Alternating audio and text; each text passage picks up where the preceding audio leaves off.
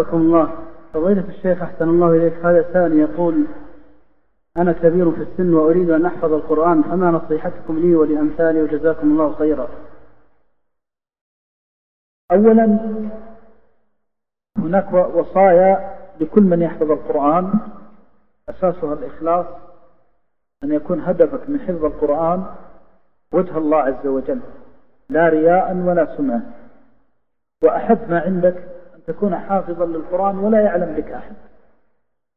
قال بعض السلف لقد كان الرجل يجمع القرآن في صدره ولا يعلم به أحد. ما يعلم به أحد أنه حافظ للقرآن. بل كان بعض السلف يحفظ القرآن وتمر عليه عشر سنوات وما علم أحد أنه قد ختم القرآن. أين هذا ما شاء الله اليوم؟ قبل أن يختم القرآن يقول إن شاء الله الرجب الجاي سأختم القرآن. وهو ما ما ما ختم أصلا. الله المستعان. كانوا يخفون أعمالهم. وأثر حتى عن حسن البصري قال لقد كان الرجل يجمع القرآن في صدره ولا يعلم به أحد. لأن هذا شيء لله.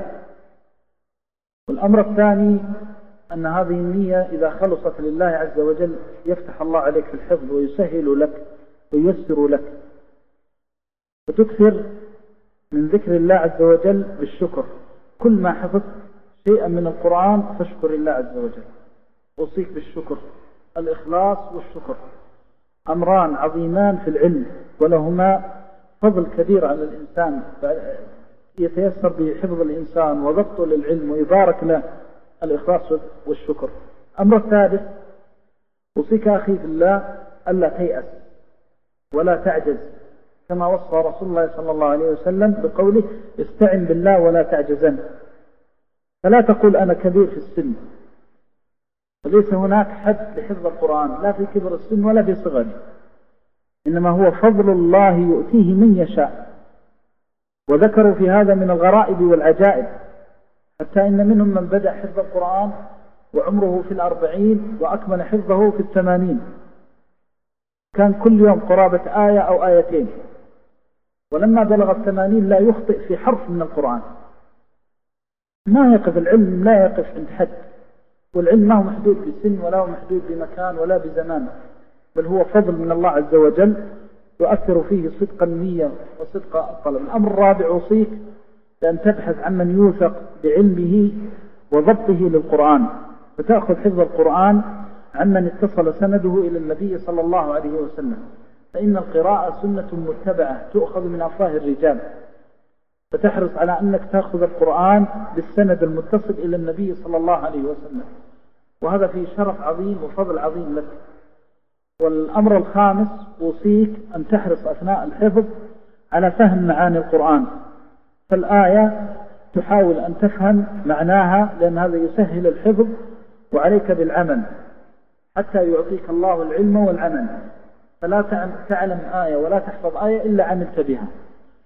وأما الأمور التي تساعد على الحفظ اختيار الوقت المناسب للحفظ واختيار الوقت المناسب للمراجعة. ومن أفضل ما تكون مراجعة القرآن هناك مراجعة خاصة تجعل لك وردا معينا تراجع فيه القرآن أثناء النهار. وهناك مراجعة عامة وهي قيام الليل أو صلوات النافلة. وتجعل القرآن على لسانك. تكثر من قراءة القرآن ولا تفتر ولا تمل وأوصيك وصية مهمة أن تعظم كتاب الله. إذا أعطيت القرآن ولو آية من كتاب الله فأنت من أسعد الخلق. ليس هناك إنسان أسعد من إنسان أعطاه الله نعمة الوحي. فجمع القرآن والسنة بين دفتي صدره. فحفظ القرآن وحفظ السنن والآثار وعمل وعلم ودعا إلى ذلك. هذا بخير المنازل. فقال الحمد لله الذي فضلنا على كثير من عباده المؤمنين. يفضلك الله بالقرآن. فإذا فضلك الله بالقرآن فأحل حلاله وحرم حرامه واتبع شرعه ونظامه وكن وقافا مع كتاب الله. إن استطعت أن تكون أخشع الناس عند سماع القرآن وأن تكون أصدق الناس تأثرا بالقرآن. وأن تكون أحب الناس يعني أملأ الناس يمتلئ قلبك بحب القرآن فأصدق الناس حبا لكلام الله عز وجل. تعتز بهذا القرآن. يا حافظ القرآن أي شيء أعطيته؟ وأي شيء أولاك الله إياه وأسداه إليك سبحانه وتعالى؟ هذه النعمة العظيمة. يقول صلى الله عليه وسلم من أعطي القرآن فظن أن غيره أعطي خيرا منه فقد ازدرى نعمة الله عليه. فعليك أن تصون القرآن وتعظمه وأن تحس الآية الواحدة أنها تعني لك الكثير.